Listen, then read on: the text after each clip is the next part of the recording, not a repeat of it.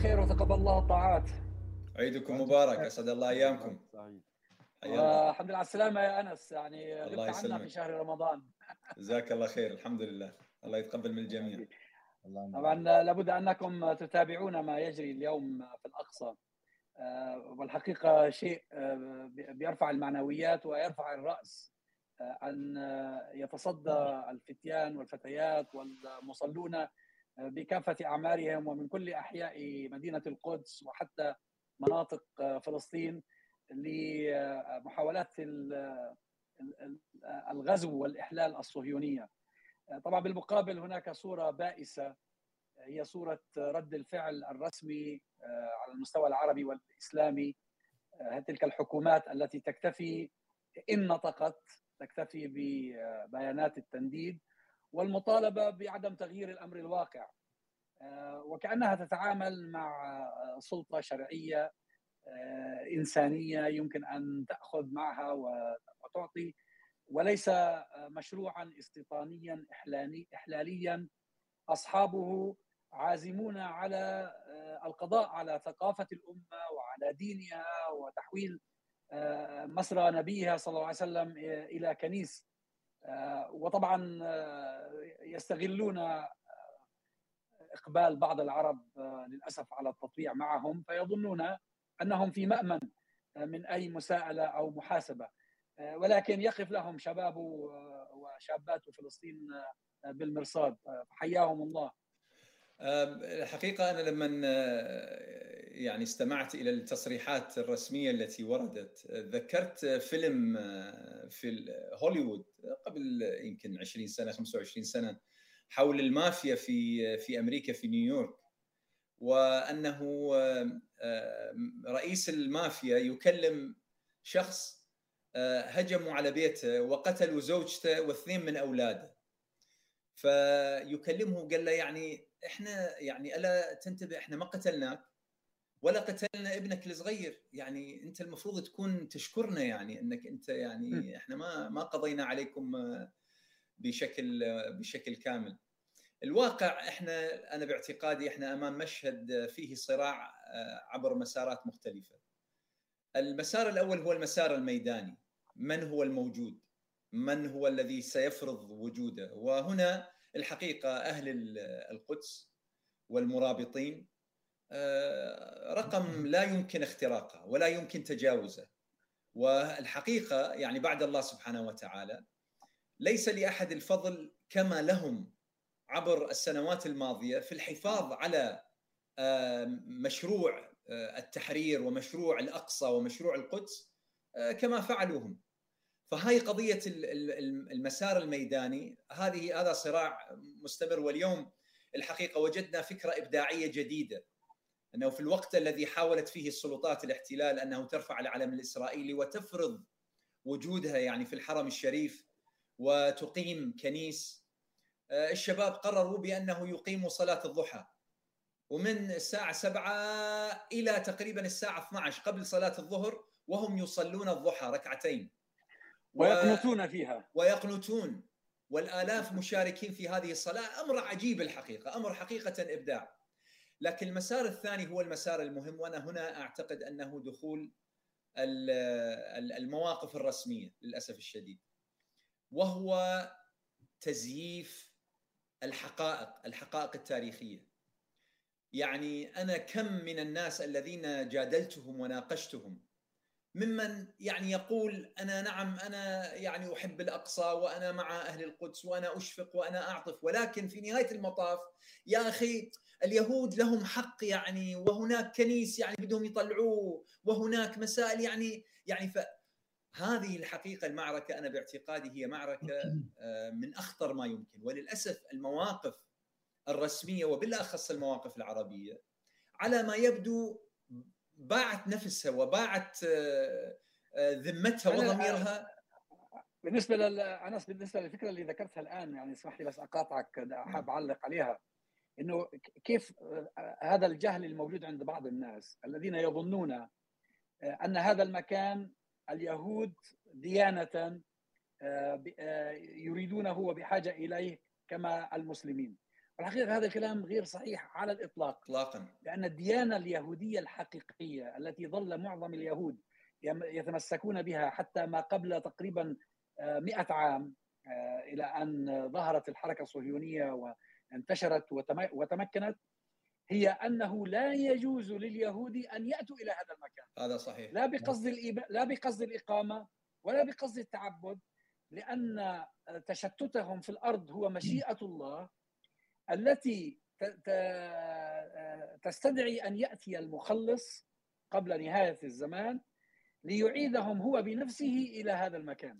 يعني هكذا هي عقيدة اليهود. بالمناسبة دكتور عزام هذه هذه الرؤية لا تزال موجودة عند كثير من حاخامات اليهود إلى اليوم الموجودين في دولة الاحتلال. مش اللي في الخارج يعني حتى اللي موجودين في دولة الاحتلال.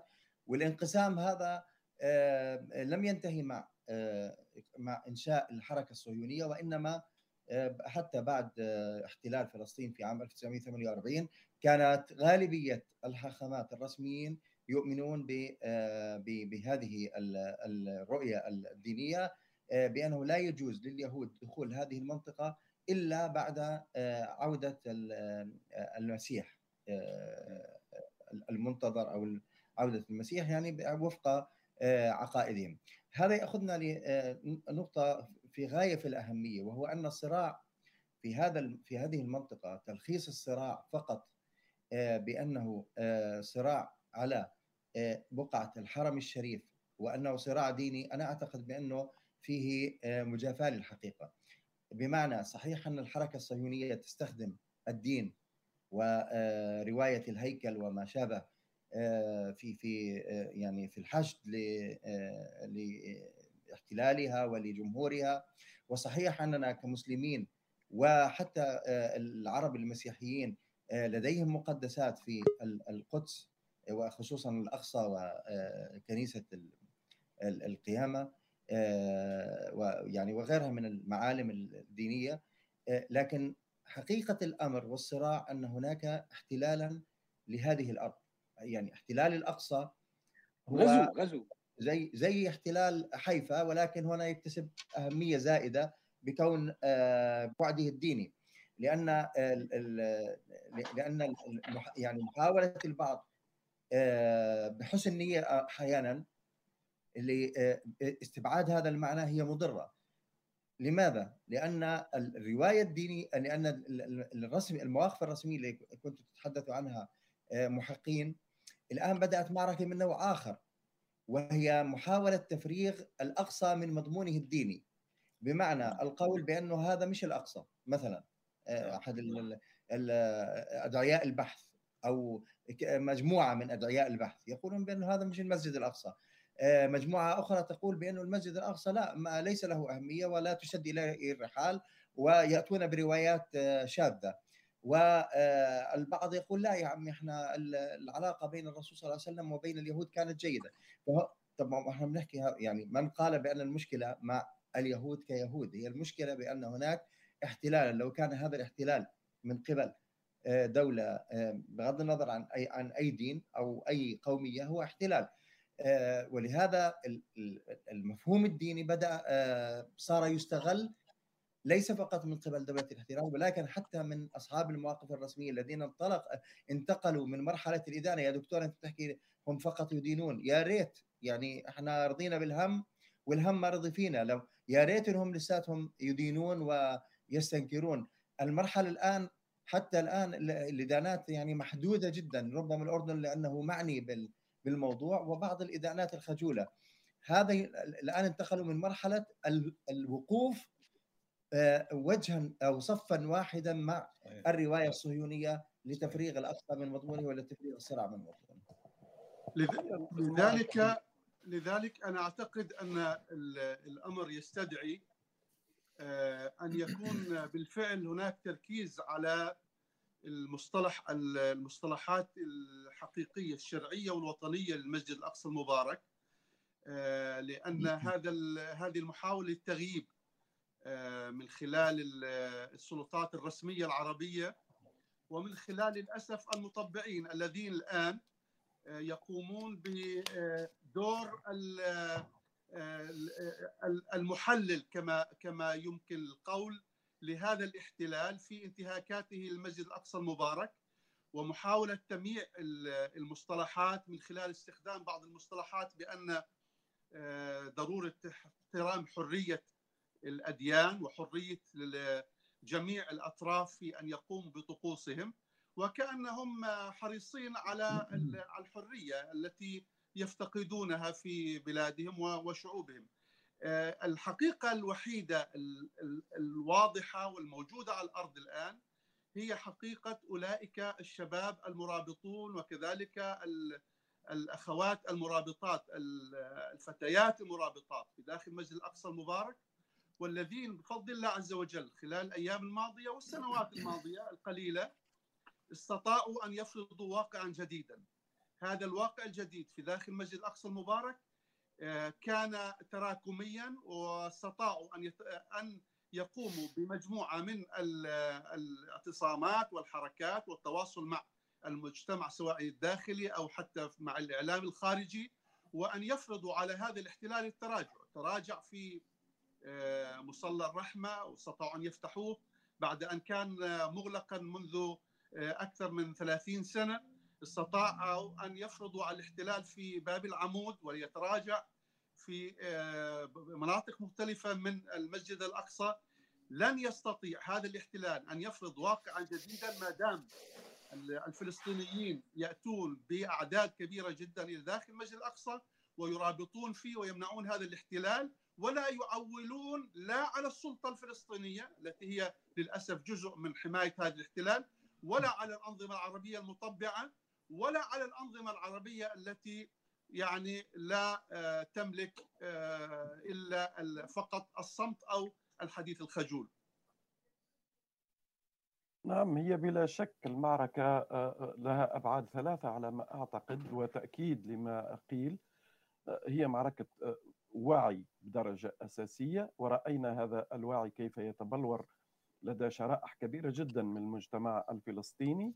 رأينا هذا في رمضان من خلال توافد عشرات الآلاف كل ليلة لأداء صلاة التراويح ورأينا تلك الجموع تقريبا ربع مليون قدرتها يعني الإحصاء في ليلة ال 27 وفي صلاة العيد بما يعني أنه مجموع ربما أعداد كبيرة جدا من الشعب الفلسطيني وصلت وصلت آه، في المسجد الأقصى. أيضا رأينا تلك المشاهد للإخوة المسيحيين وهم كيف يمنعون من الوصول لأداء يعني شعائرهم التعبدية آه، آه، بطرق يعني أقل ما يقال فيها أنها مدانة وغير قانونية وغير شرعية. ففي معركة الوعي هذه الفلسطينيين سواء المسلمين منهم أو المسيحيين فرضوا هذه المعركة على الجميع.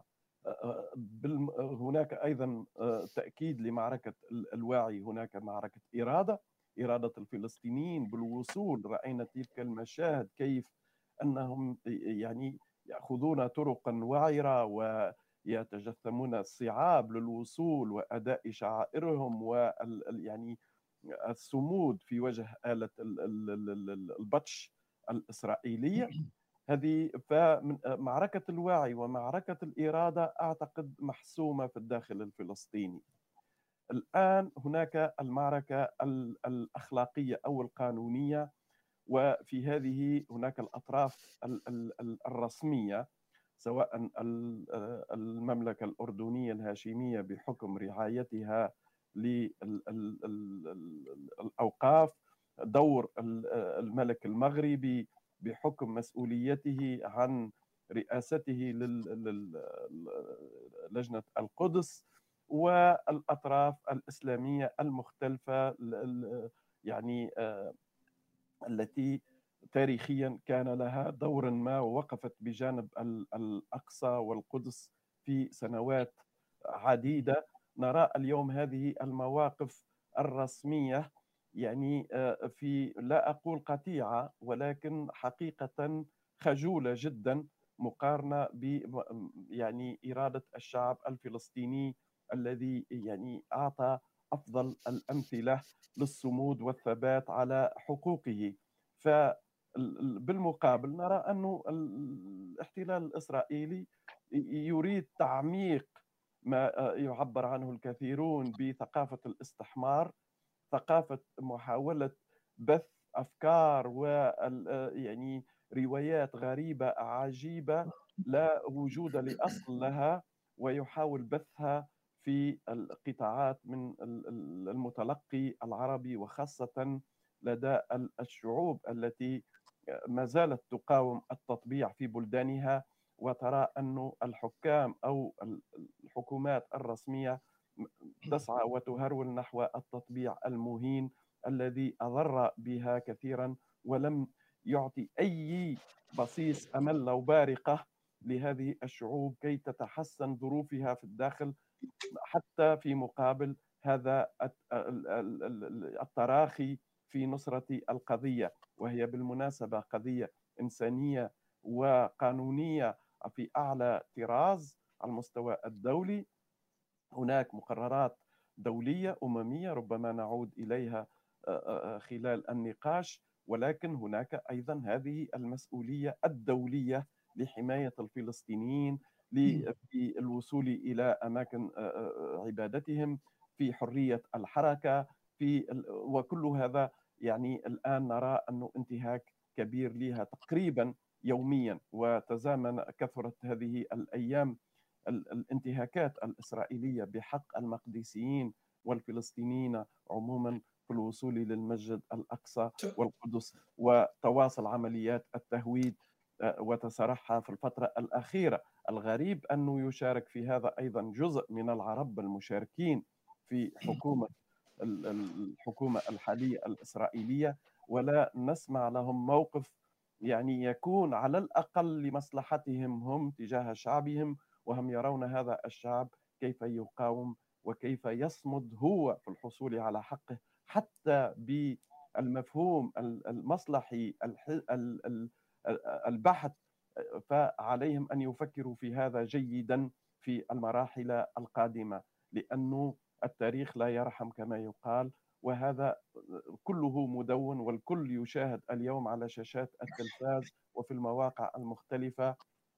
فهؤلاء الذين يشاركون في الحكومة الإسرائيلية اليوم من العرب عليهم أيضا مسؤولية كبيرة جدا كي لا يساهموا في هذا العبث. وهذه الجرائم التي ترتكب باسمهم.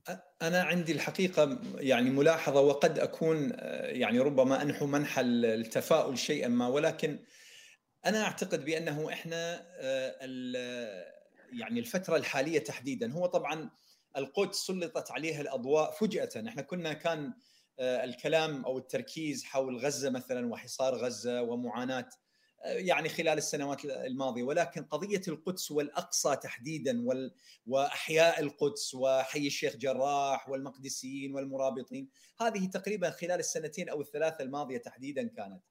لكن هذه الفترة بالذات تسارع الصهاينة القوات الاحتلال في هذه المداهمات وفي تنظيم هذه المسيرات اللي على أساس يسيرون فيها عشرات الآلاف أنا باعتقادي هي لأنه يشعرون بأن الوقت آه، يخرج من أيديهم. الوقت ينقضي وهناك يعني فرصة اليوم سانحة قد غدا لا تكون سانحة. ولهذا الاستعجال الهائل واستثمار ورقة ورقة. الاست... هذه الورقة هي ورقة التطبيع الرسمي مع الأنظمة العربية. الحقيقة ليست هناك يعني أي عامل جديد طرأ في الموضوع. الذي يدفع الإسرائيليين إلى أنه يعني هذا الزخم هذا الزخم بهذا الشكل وهذا الاندفاع حتى تقول في بعض الأحيان يعني في نوع من البلة في نوع من من اللوثة التي المصاب فيها هذا هذا هذا هذا الاحتلال. آه، لأنه هو يشعر بأنه هذه الفرصة راح تفوت. ما ما هو الأمر الجديد الذي طرأ الذي يجعل الإسرائيليين يفكرون بهذه الطريقة؟ أنا باعتقادي الحرب الأوكرانية الروسية أشعرت العالم بحقيقة آه، ربما في السابق إما كان متغاضي عنها أو أنه فعلا كان كانت غايبة عنه. فكرة المقاومة فكرة الصمود. اليوم العالم لما يتكلم على أوكرانيا يتكلم عن مقاومة الأوكرانيين للاحتلال الروسي. يتكلم عن صمود الأوكرانيين حتى تحت قصف الصواريخ حتى وهم في المصانع مثلا في السراديب محبوسين لمدة أسابيع وأشهر. الأطفال كيف مواقفهم النساء كيف مواقفهم. هذه الحقيقة أشعرت العالم إنه لحظة إحنا إذا فكرة الصمود فكرة مواجهة المحتل أصبح معنى أضيف إلى الضمير إلى الوعي العالمي. لم يكن في السابق كان في نوع من الإزاحة لمثل هذا المفهوم. ما كان أصلا كلمة ريزيستنس تقريبا سلبت من مفهومها. يعني اللي كنا نتكلم نتكلم عن ال resistance الفرنسي مثلا في وجه النازيين ولا الثورة الفرنسية ولا كذا. هذا تقريبا بدأ ينسلت ينسلت من الضمير الدولي. فجأة الآن عاد وبزخم قوي. لا وبألسن يعني وبفم القادة الأوروبيين من بايدن في أمريكا. يا دكتور انس يا نعم. دكتور أنس يعني الذي تفضلت فيه هذا على الذي يفضح ازدواجيه المعايير. طبعا طبعا يعني طبعا. يتحدث بالفعل عندما يتحدثون اوكرانيا يتحدثون عن الشعب الأوكراني الشجاع والمقاوم ويتحدثون بهذه المصطلحات مصطلحات المقاومة مصطلحات الصمود وغير ذلك. لكن للأسف الشديد المجتمع الدولي الذي نتحدث عنه المجتمع الدولي مجتمع هذا منافق. بس إذا تسمح لي إذا تسمح لي أبو أنس. إذا تسمح لي أبو أنس. المجتمع الدولي تمام. النظام الدولي الذي تسيطر عليه أمريكا وبشكل أساسي أوروبا نعم. والتي تحرم على شعوب مظلومة مثل الشعب الفلسطيني أن يدافع عن حقه وتقف آه، زي كما يصرح الأمريكيين حتى وجونسون والبريطانيين نعم. وزيره الداخلية والخارجية لأنهم مع هذا الاحتلال. فهؤلاء عندهم ازدواجيه معايير المجتمع الدولي الذي بس ابو, أبو أنا أبو النقطة اللي داري أوصل لها إذا تسمح لي دكتور عزام. أنا النقطة اللي داري أوصل لها وين؟ بأنه في مقابل الأنظمة العربية والمواقف الرسمية هناك هناك الشعوب التي ترفض يعني هذا الموقف قط بشكل مطلق.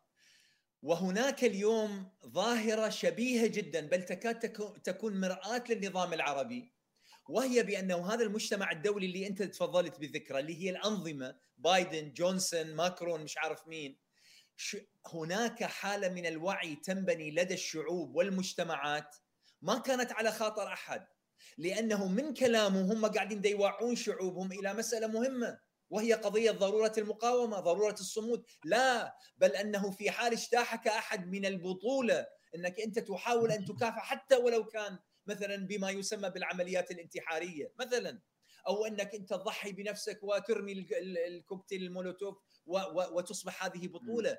الشعوب اليوم أنا باعتقادي اليوم في حالة يعني ربما لم تطرأ في آخر 40 50 سنة كما هي اليوم واضحة وهي بس في نقطة في نقطة أنت أشرت لها أنس قبل ذلك. نعم. تستحق الوقوف عندها اللي هي ما الذي جعل الصهاينة يتجرؤون أكثر؟ هم طبعا محاولاتهم الاستفزازية هذه لم تتوقف منذ أن احتلوا فلسطين ومنذ أن احتلوا القدس في 67 آه، أنا أتصور أن الذي جرأهم ليس فقط آه، اندلاق بعض الأنظمة العربية عليهم في التطبيع لكن حتى قبل ذلك آه، انتصار الثورة المضادة في كتم الشعوب ووقف التحول الديمقراطي في المنطقة. صحيح. لأن الصهاينة شعروا أن بينهم وبين الأنظمة الدكتاتورية في المنطقة حلف. طبعا. آه، وانتصار هذه الأنظمة الدكتاتورية على الشعوب آه، أعطاهم الفرصة وجرأهم لأنهم قبل ذلك عندما بدأت الثورات العربية في تونس ثم انطلقت إلى غيرها وخاصة عندما وصلت إلى مصر وأحدثت التغيير الهائل وإن كان تغييرا شكليا للأسف ثبت لنا فيما بعد الصهاينة كانوا ترتعد فرائصهم خشية من المستقبل من هذا القادم. فلما صار التراجع ولما صار الإحباط واحبطت الثورات انتعشوا وانتشوا ودخلوا في تحالف مع الأنظمة الدكتاتورية. ولذلك النقطة اللي أشار لها أيضا أنور اللي هي إنه المواقف الأنظمة العربية مواقف خجولة. هذا المواقف الخجولة هي المواقف الإعلامية لكن المواقف الحقيقية لهم مواقف حاسمة في كتم أنفاس الشعوب حتى لا تنتصر لإخوانها وأخواتها في الأقصى. الآن المظاهرات تمنع يمنع حتى أن يعبر الإنسان عن رأيه. وين أيام زمان؟ أيام الانتفاضات عندما كانت العواصم العربية تشتعل بالمسيرات والمظاهرات والإعلاميون يتحدثون ويتكلمون. الآن السجون تفتح أبوابها لمن يكتب تغريدة لا تعجب ولي الأمر. أو هو أو هو, هو القصة الرئيسية هنا أعتقد بانه الاحتلال ومن خلفه الدول الداعمة الغربية لا لا تقدم أي بين قوسين تنازل في الملف الفلسطيني إلا إذا كان هناك ثمن تدفعه وتريد أن تتجنب دفع هذا الثمن. بغض مهما كان مستوى هذا الثمن قليلا. من ضمنها المظاهرات يعني كانت دولة الاحتلال والولايات المتحدة الأمريكية حريصة على إنه لا تؤجج الغضب الشعبي في الدول المجاورة، الدول العربية عموما والدول المجاورة تحديدا لأنها كانت تعتقد بأن هذا ليس في مصلحة الأمن القومي الأمريكي ولا الأمن للاحتلال وأنه يزيد الكراهية لدوله الاحتلال ويزيد الكراهية للولايات المتحدة، حتى هذا الثمن الصغير اللي نحن للأسف أحيانا نقلل منه يعني إحنا مرات صرنا نقلل حتى من المظاهرات ومن أهمية الرفض والتمرد على قرارات الاحتلال. ومع ذلك هي موجعة للاحتلال وموجعة للولايات المتحدة.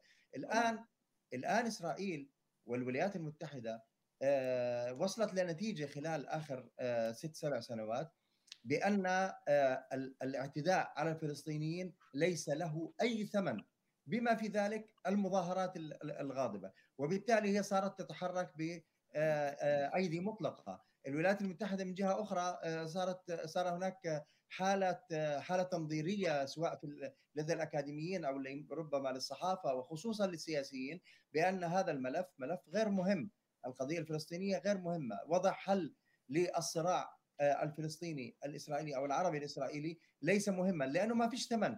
وكذلك الاحتلال. وهنا تأتي أهمية الشعب الفلسطيني. يعني في الوقت اللي اللي دول الاستبداد أو أنظمة الاستبداد تمنع الثمن الصغير هذا الذي نتحدث عنه وهو المظاهرات ويعني الغضب تجاه المحتل وداعميه يكون الشعب